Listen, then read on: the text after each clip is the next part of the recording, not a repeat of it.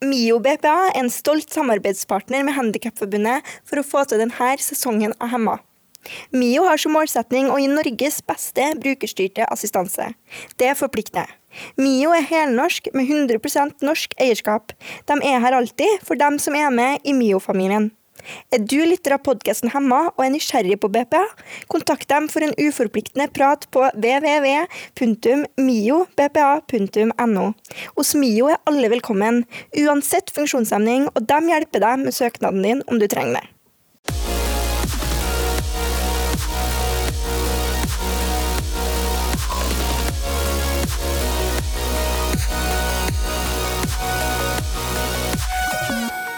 Velkommen eh, til en ny episode av Hemma.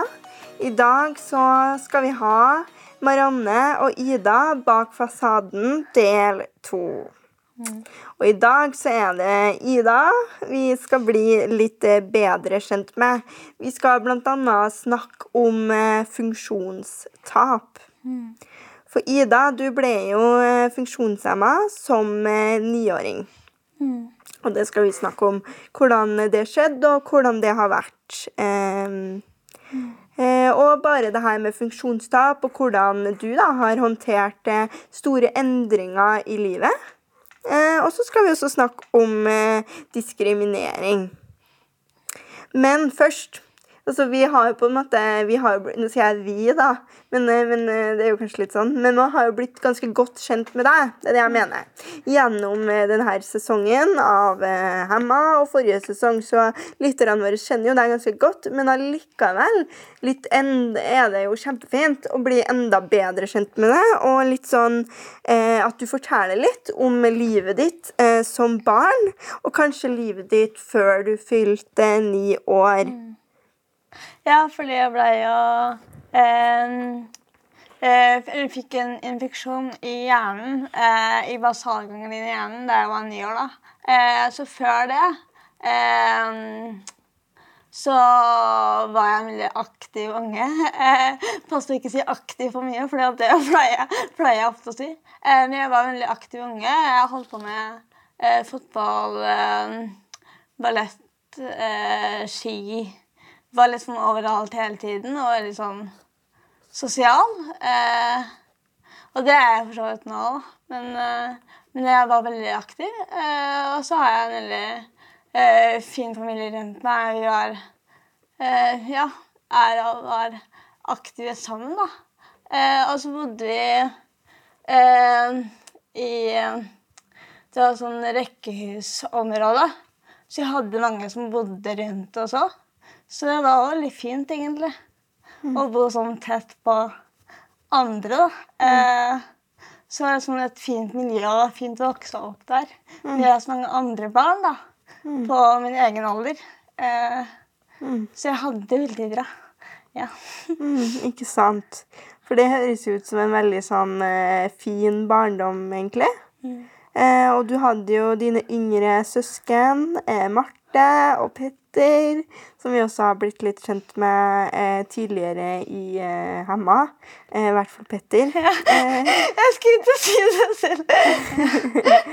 og så hadde du jo mange venner i nabolaget, eh, og foreldrene dine, Tommy og Kristina, eh, som jeg også eh, kjenner jo familien din veldig godt. Eh, og det er skikkelig fine, fine mennesker.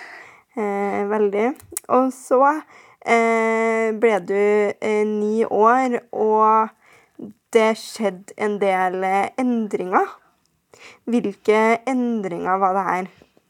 Eh, nei, jeg prata om at jeg gikk jo på ballett. Eh, og da har man på en måte armene bak på ryggen da, for å ha en sånn positur. Eh, og da når balletten var ferdig, så blei da min venstre hånd eh, værende igjen bak ryggen når vi gikk av scenen. da. Eh, og da Alle så jo på det her, alle som familie og venner fulgte med på ballettopptreden. Det var jo stort. Eh, og da tanta mi, hun er fysioterapeut, da. Eh, så hun reagerte litt på det at armen min var igjen bak der. Eh, og så gikk jeg på Jeg gikk på ski da, til Ringdalshytta. så er det sånt punkt man skal nå. Eh, da er det bare kakaokaker. eh, og da var det en mann da, som gikk forbi oss, eh, og han reagerte da på at armen min hang etter meg når jeg gikk, da. Eh, og da spurte han om jeg var sliten i armen. Og da sa jeg bare ja. For jeg var sliten i armen. Mm. Eh, men mamma og pappa trodde nok bare at det var et brudd da, eller noe sånt i armen. Eh, han visste jo ikke at det kom til å skje noe mer da, eh, med det Mm. da. Så det var de første tegnene. Og det var sånn man oppdaga at noe var på pæra. da. Mm. Mm. Ja, for at eh, eh, dere gikk jo sikkert etter hvert til, eh, til legen, da. Eh, for, å, for å sjekke ut eh, det her videre. Eh, hvordan ble dere eh, tatt imot av eh, helsevesenet da? Mm, mm. Mm, det tok jo eh, litt tid først før man på en måte eh, skjønte at noe var gærent. Man trodde jo som sagt at det kanskje bare var et brudd da, i venstrearmen eller en brist eller noe sånt.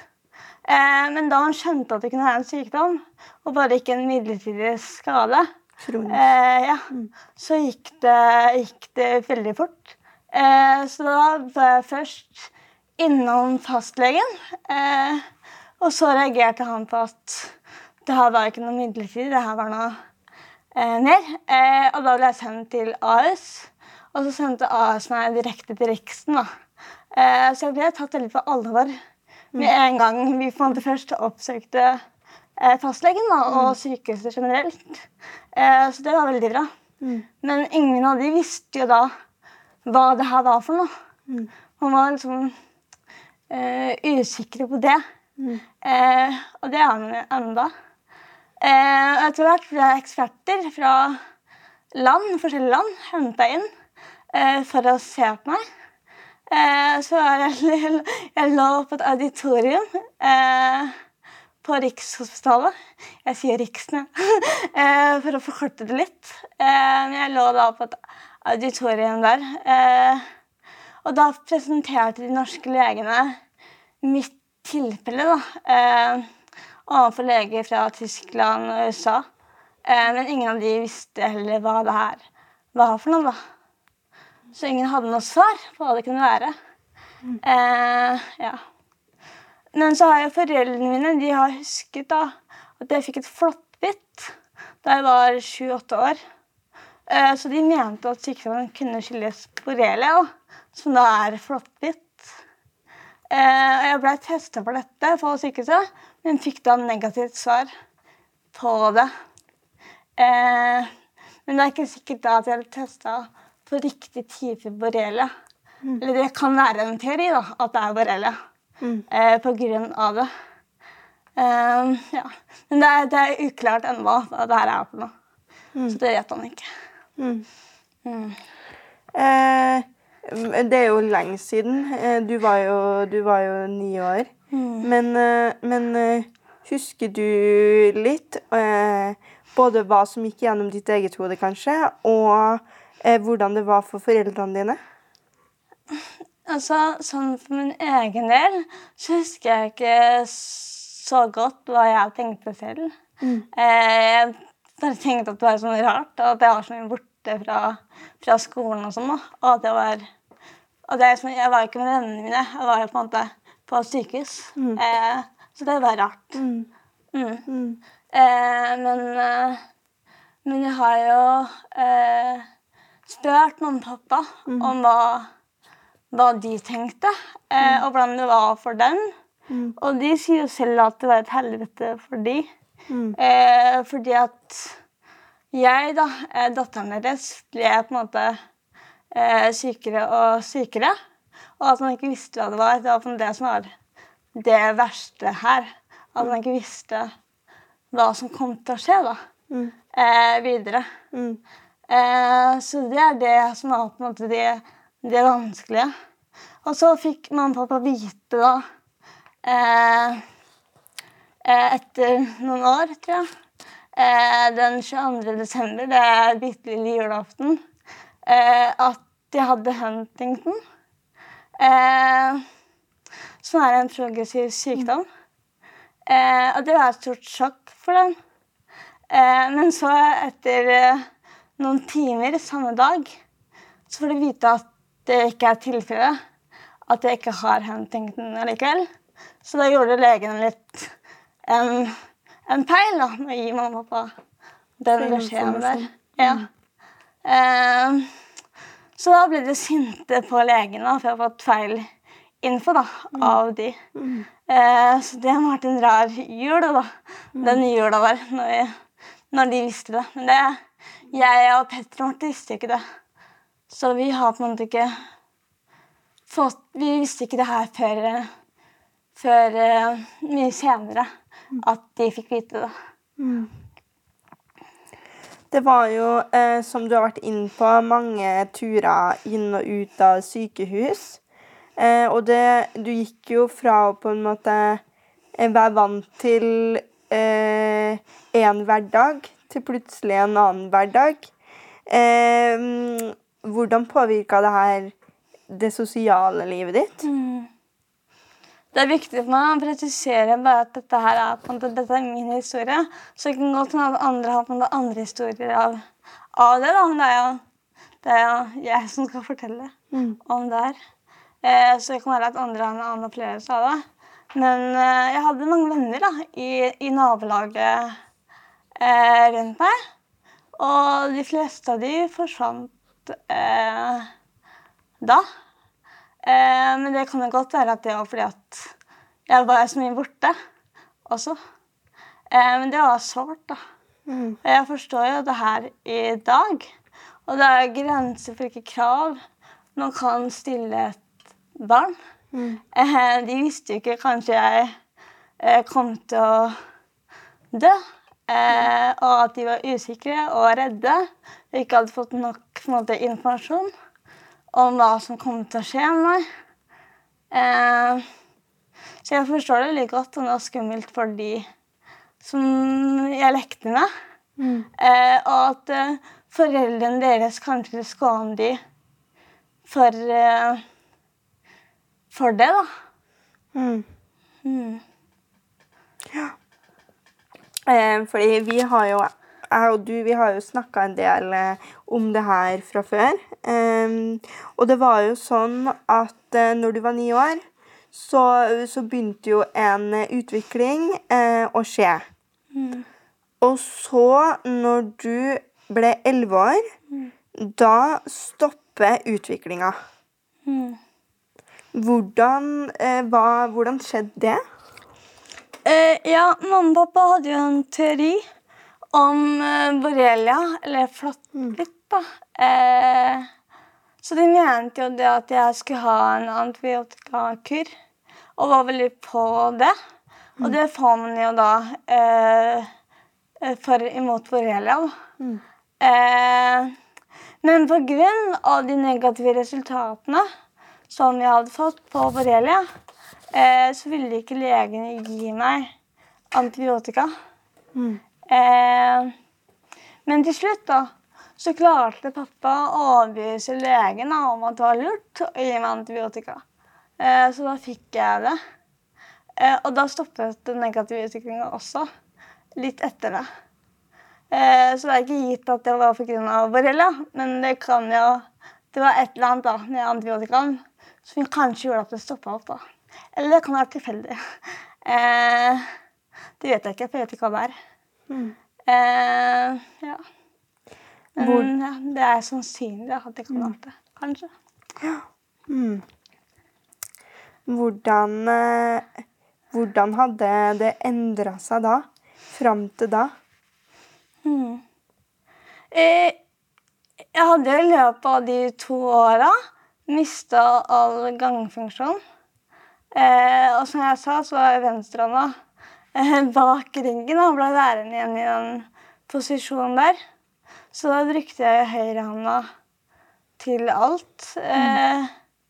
men i løpet av utviklinga så snudde det seg.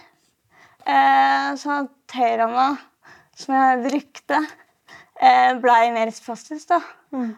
og ukontrollerbar eh, for meg å bruke. Og da ble jeg nødt til å lære meg opp igjen da, til å bruke venstrehånda.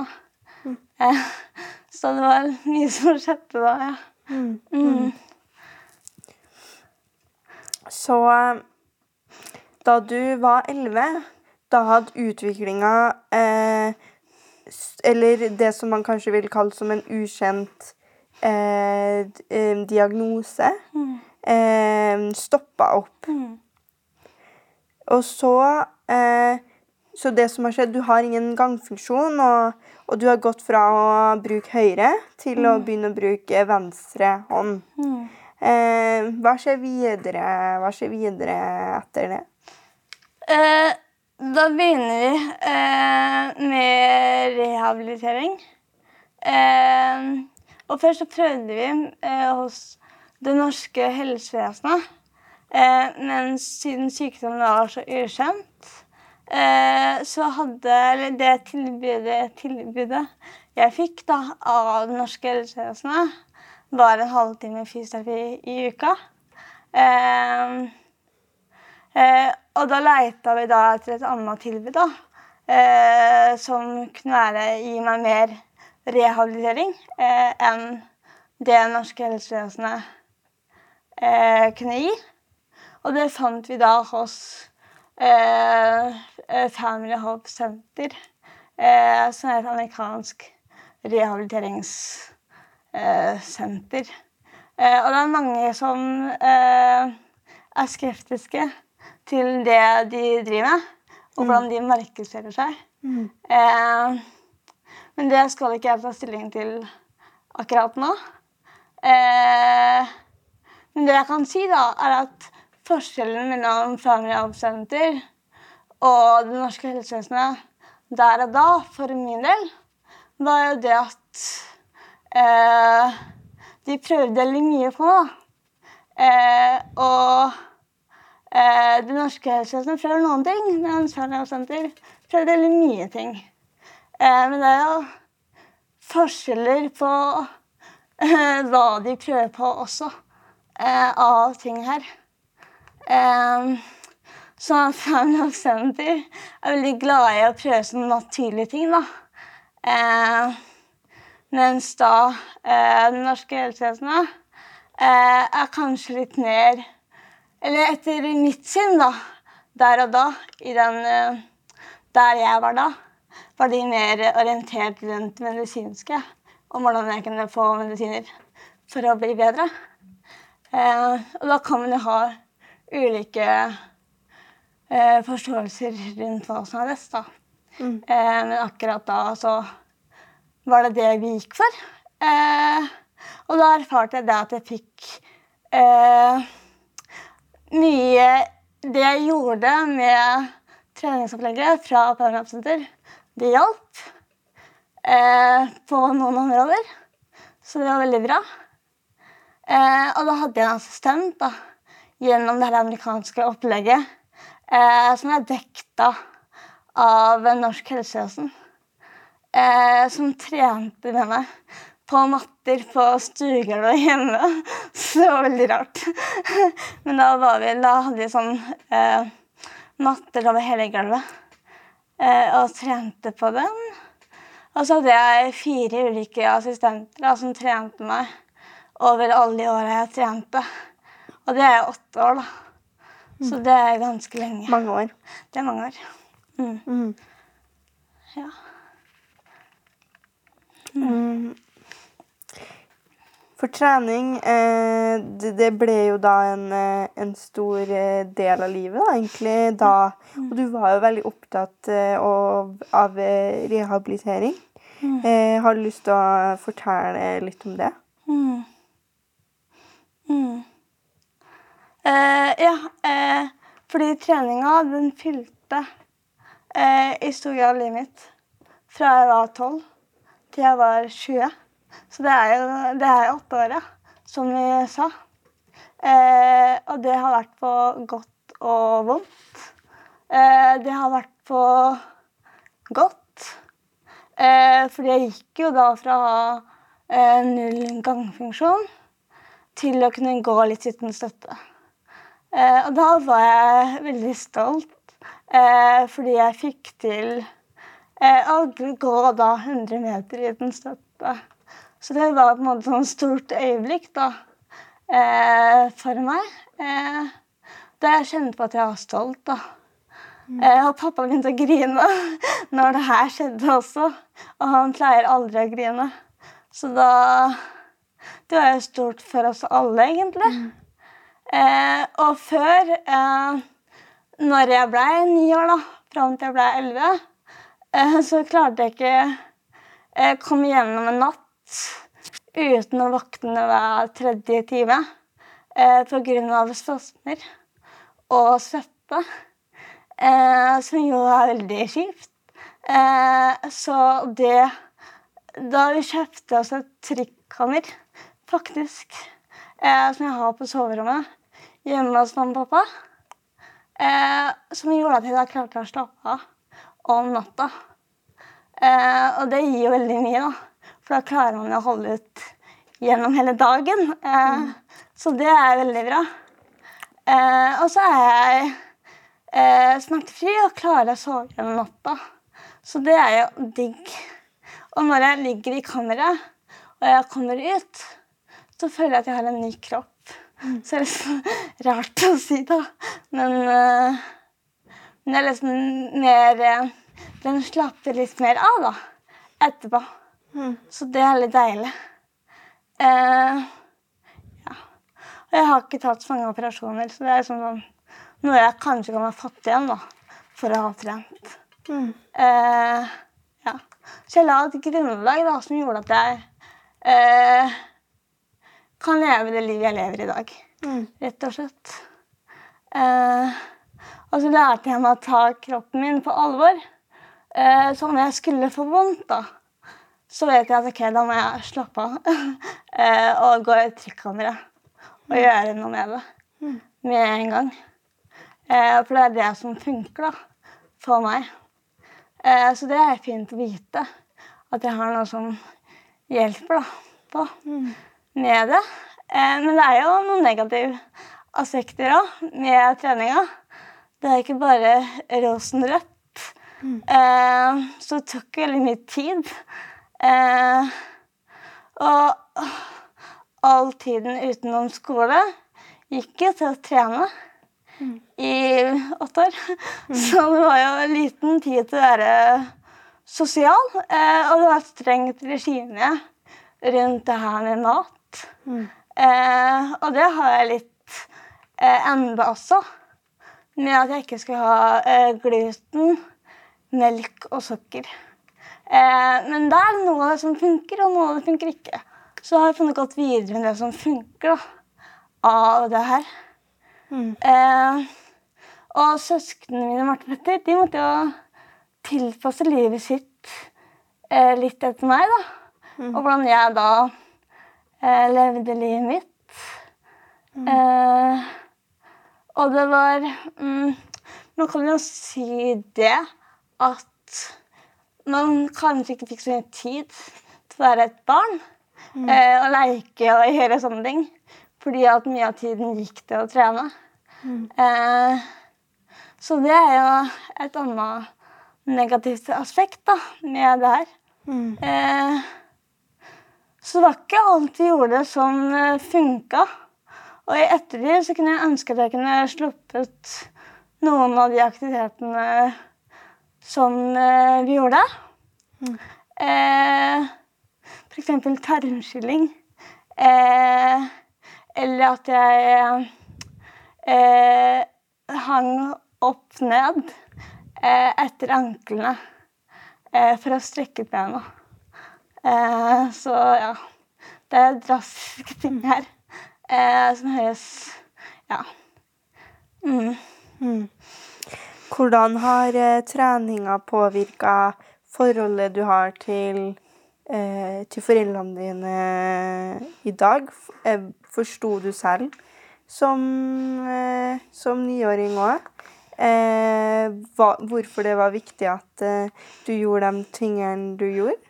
Jeg tror ikke jeg forsto det så godt selv da jeg var ni år. Hvorfor jeg gjorde det jeg gjorde. Men jeg forstår det bedre enn nå.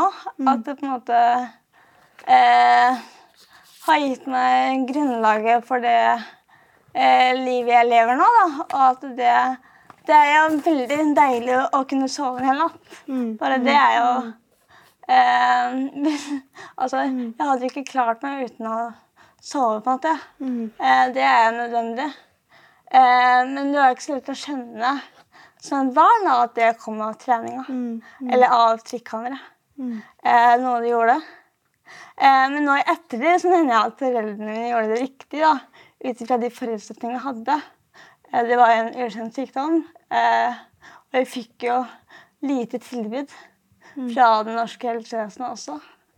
Eh, så det var alternativ til å gjøre ingenting, egentlig.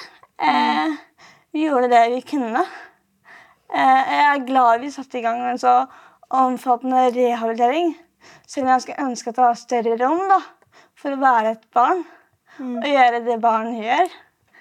Eh, men jeg har jo et veldig godt forhold til mamma og pappa nå, Mm. så det er bra. Mm. Mm. Eh, vi snakka jo en del om det sosiale livet ditt em, i stad.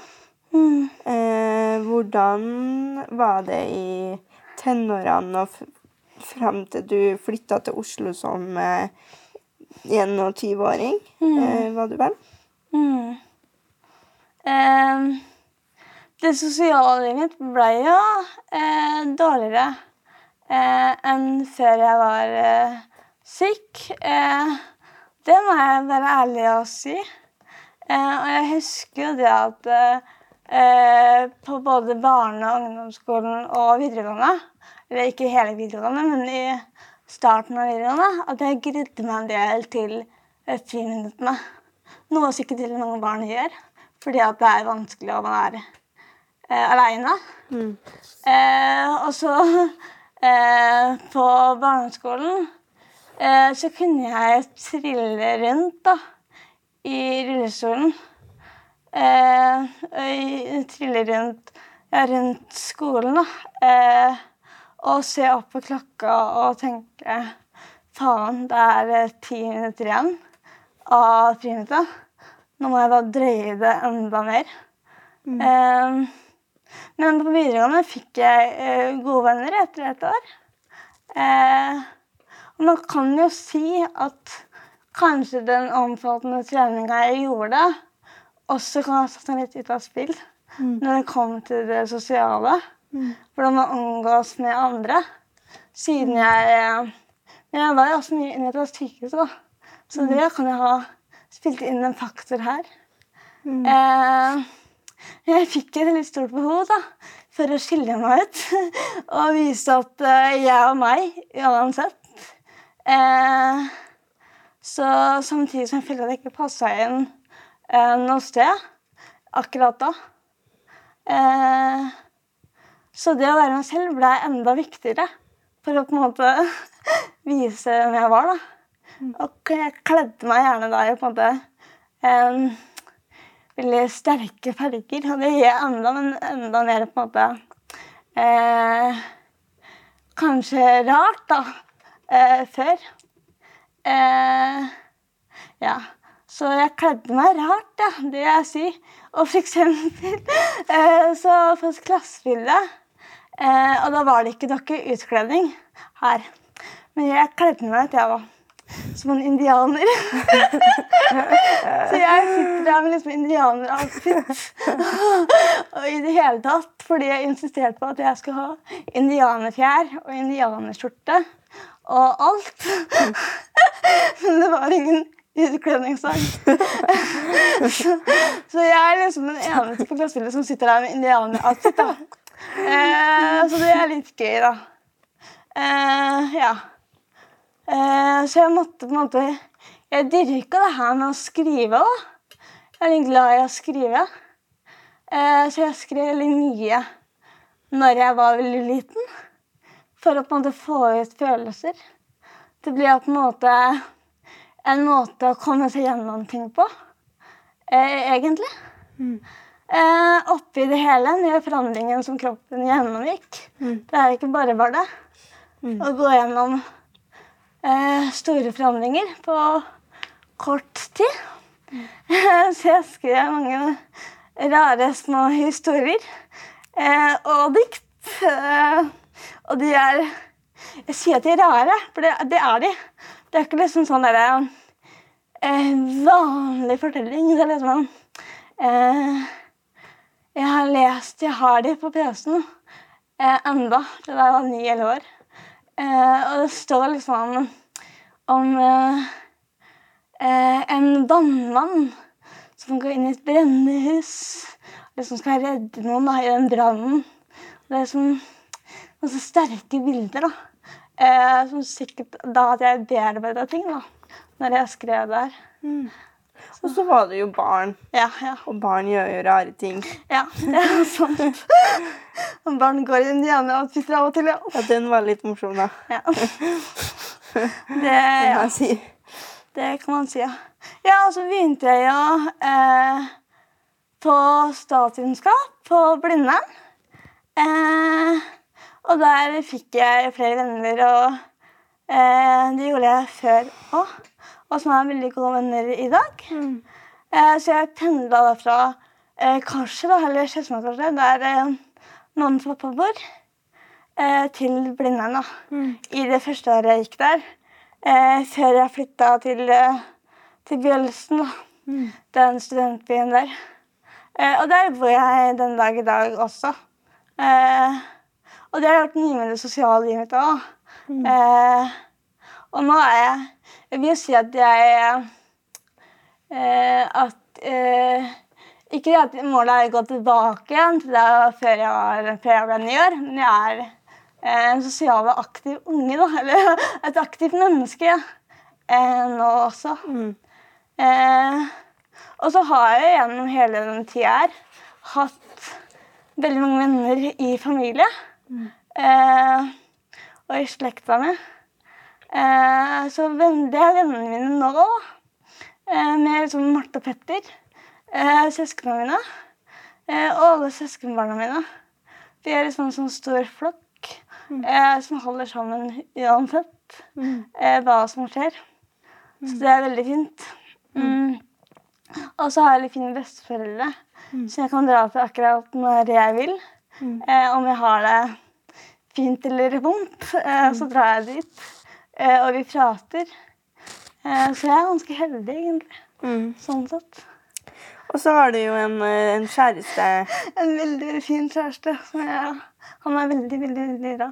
Mm. Så det er Kristoffer, da. Ja. Og vi De har en annen episode med han, men han eh, Jeg er veldig, veldig glad i han. Og han gjør at jeg også blir tryggere på mange måter. Mm. Eh, fordi at eh, eh, han er så flink til å fortelle meg hvor bra jeg er. Mm. Eh, på alle mulige måter. Eh, og det gjør det så lett for meg å eh, vokse det, da. Eller på en sånn eh, Få frem det og føle meg tryggere i den jeg er. Mm. Mm. Eh, ja, eh, en ting med Altså, en ting med det å være funksjonshemma er jo det her liksom funksjonsdelen, eh, og, og det skal vi jo snakke masse om, men allikevel så er det jo eh, verdt å presisere, eller å nevne kanskje, at eh, eh, det som gjør livet utfordrende med det å være funksjonshemma, er ikke det liksom funksjonsnedsettelsen i seg selv, men diskrimineringa og, og barrierene i samfunnet, selv om det er viktig å anerkjenne at det er drittøft med funksjonstap, så er det også viktig å snakke om at livet som funksjonshemma ikke er likhetstegn med å ha et kjipt liv i det hele tatt. Og at her er det jo mye diskriminering inn i bildet eh, når det kommer til samfunnsskapte barrierer. Da. Um, kan du si noe om eh, det, kanskje? Mm. Ja, her har jeg eh, Det er mye man møter på som eh, funksjonshemma, som handler om diskriminering. Eh, som er eh, vanskelig og, og vondt. Eh, og det er mange eksempler å ta her. Eh, dessverre eh, at det er sånn. Men eh, sånn er det, jo. Eh, eh, så bare det at folk gjerne henvender seg da, til assistenten min eller til Kristoffer, da, kjæresten min, mm. om de skal spørre meg om noe. Eller så har jeg fortalt det her tidligere også. Men det at eh, når jeg skal ha tysktime første gang på videregående, og jeg gikk inn i klasserommet, og så sa læreren at eh, du har kommet feil. Eh, fordi at hun trodde jeg skulle til tilrettelagt opplæring. Eh, eh, ja, så det er jeg på en måte sånn eh, Hvorfor ikke forvente at alle, mm. alle skal dit? Eh, Eh, ja. Og så har jeg hatt, eh, hatt mange andre opplevelser, da. Og for mm. eksempel en gang så skulle jeg inn på eh, bussen, eh, og da nekta bussjåføren meg å komme inn fordi jeg hadde elektrisk rullestol. Så han mente jeg kunne kjøre hjem selv, da. Mm. og at eh, det på en måte var det beste. Mm. Eh, og så tror folk når jeg er på utesteder og jeg eh, går ut av stolen da, og du ikke sier at jeg har en rullestol, så tror de at jeg er full. Mm. Eh, fordi jeg går annerledes mm. eh, enn normen. Mm. Eh, så det er nå. Og så er den herre eh, store eh, BPA-prosessen med å få BPA-timer. og at det er på en måte en, en det byråkratiet der, da, med at eh, man gjerne får høre av en byråkrat i møte med kampen om medtaket at man eh, skal eh, Det holder å dusje to ganger i uka. Eller eh, at eh, jeg får høre av byråkraten at eh, du kan jo bare ta det også, på en måte. For å spare timer, da. For bydelen eller kommunen, da. Eller hva det måtte være. Mm. Eh, så jeg har kjempa eh, og anka for eh, å få de timene her i dag. Men det er litt synd at det er sånn. At man må ta den kampen. Det skulle ikke vært sånn i det hele tatt. Og at det er så mange kamper man møter på ja, egentlig nesten hver dag, da. Mm. Eh, som eh, blir så usynlige mm. for andre men så synlig for oss, da, mm. som opplever det hele tida. Mm. Eh, vi har jo allerede vært en del innpå eh, funksjonstap. Men, men kanskje du kunne ha snakka litt om på en måte litt den sorgen eh, eh, rundt det å miste funksjoner, og kanskje den gleden da, ved å gjenvinne dem. Mm. I den grad man kan. Ja. Eh, mm. Mm. Eh, ja. Eh, man må jo Eller jeg må jo si det. Det er trist da, å miste funksjoner. Eh, og jeg tenker jo at det er en sånn eh, tabubelagt sorg som vi mm. prater litt for lite om. Eh, også da blant eh, funksjonshemmede også. Mm. Eh, ja. Med, eh, vil du utdype det litt? Hva mener du med det? Nei, det var greit å synes at det er kjipt å miste funksjoner. Eh, selv om man kan eh, synes at det ikke er kjipt da, å være funksjonshemma. Mm, at den forskjellen der. Ja, mm. det er ikke noe likhetstegn å synes det er kjipt å miste funksjoner. Eh, og det å Det trenger ikke være kjipt da, å være handikappa eller funksjonshemma for det han da. Eh, så ja. Mm. Eh, og det er viktig å og liksom synes han er god nok akkurat som han er. Men at det er lov å på en måte sette seg i mål, da. Mm. Eh, og med også eh, Så man kan trene seg opp til, da. Hvis man vil det. At det er lov, det er lov å ønske seg et høyere funksjonsnivå.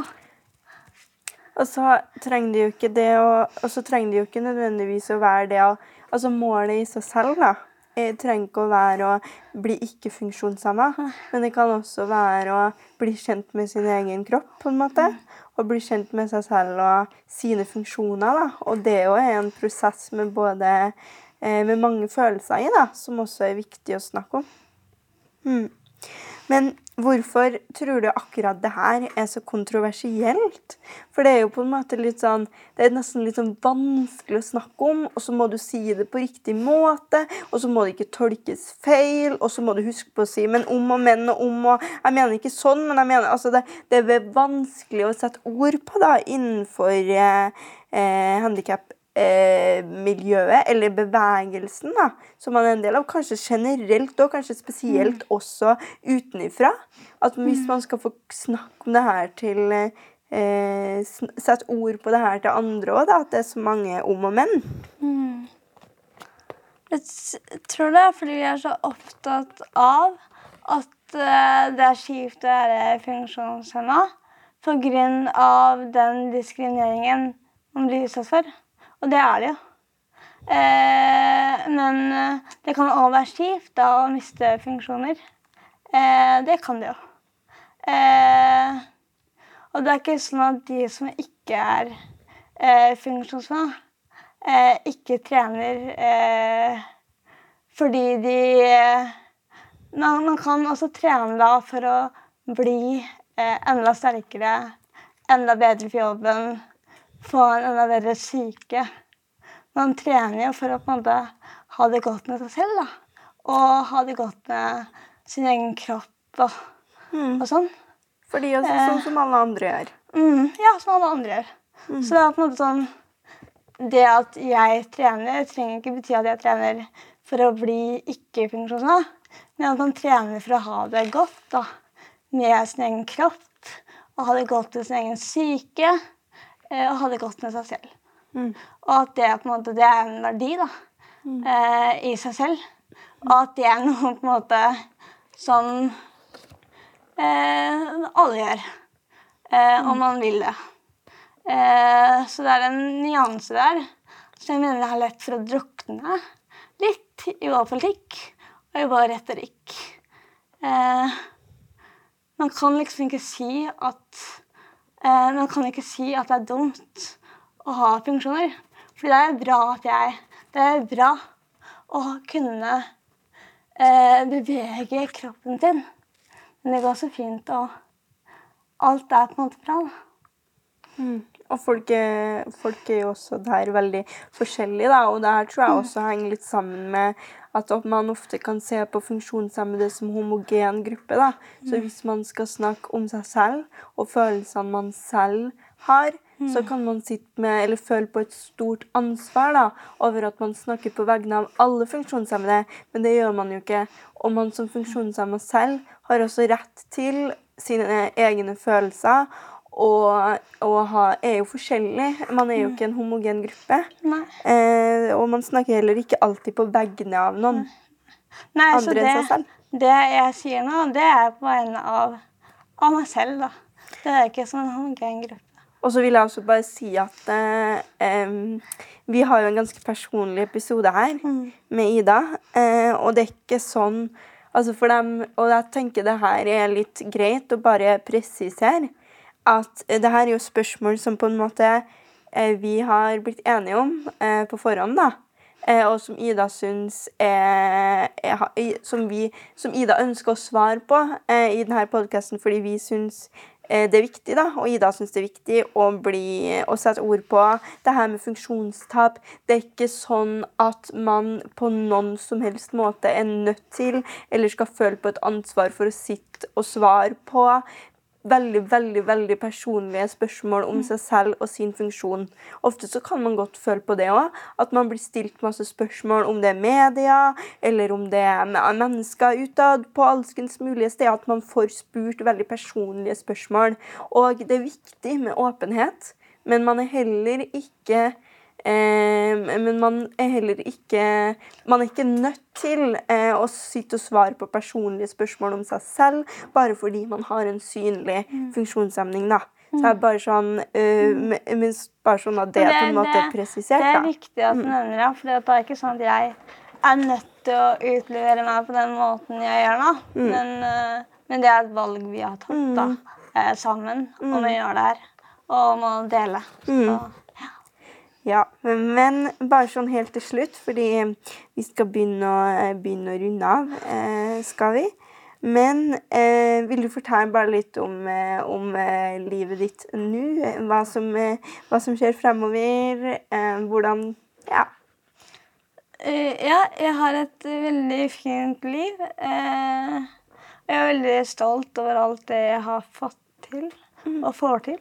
Eh, gjennom podkasten og skole og Veldig stolt av kjæresten min og ja, veldig stolt av, av alt jeg gjør, egentlig. Eh, og jeg gjør det jeg vil, stort sett. Det er ikke alt man vil gjøre, men man gjør eh, mye forskjellig. Eh, så jeg går jo master i statsvitenskap. Eh, og jeg har en veldig artig jobb. Interessant jobb. Eh, og jeg har mange verv, da. Så jeg har gode venner, en veldig fin familie eh, og verdens beste kjæreste. Og verdens beste venn, deg der, da, Marianne. Så Takk. Ja. som man sier. Så ja, jeg har det veldig fint, da. Mm. Mm. Ja, men det er sånn fint, eh, fint å avslutte med. Så. jeg. Mm.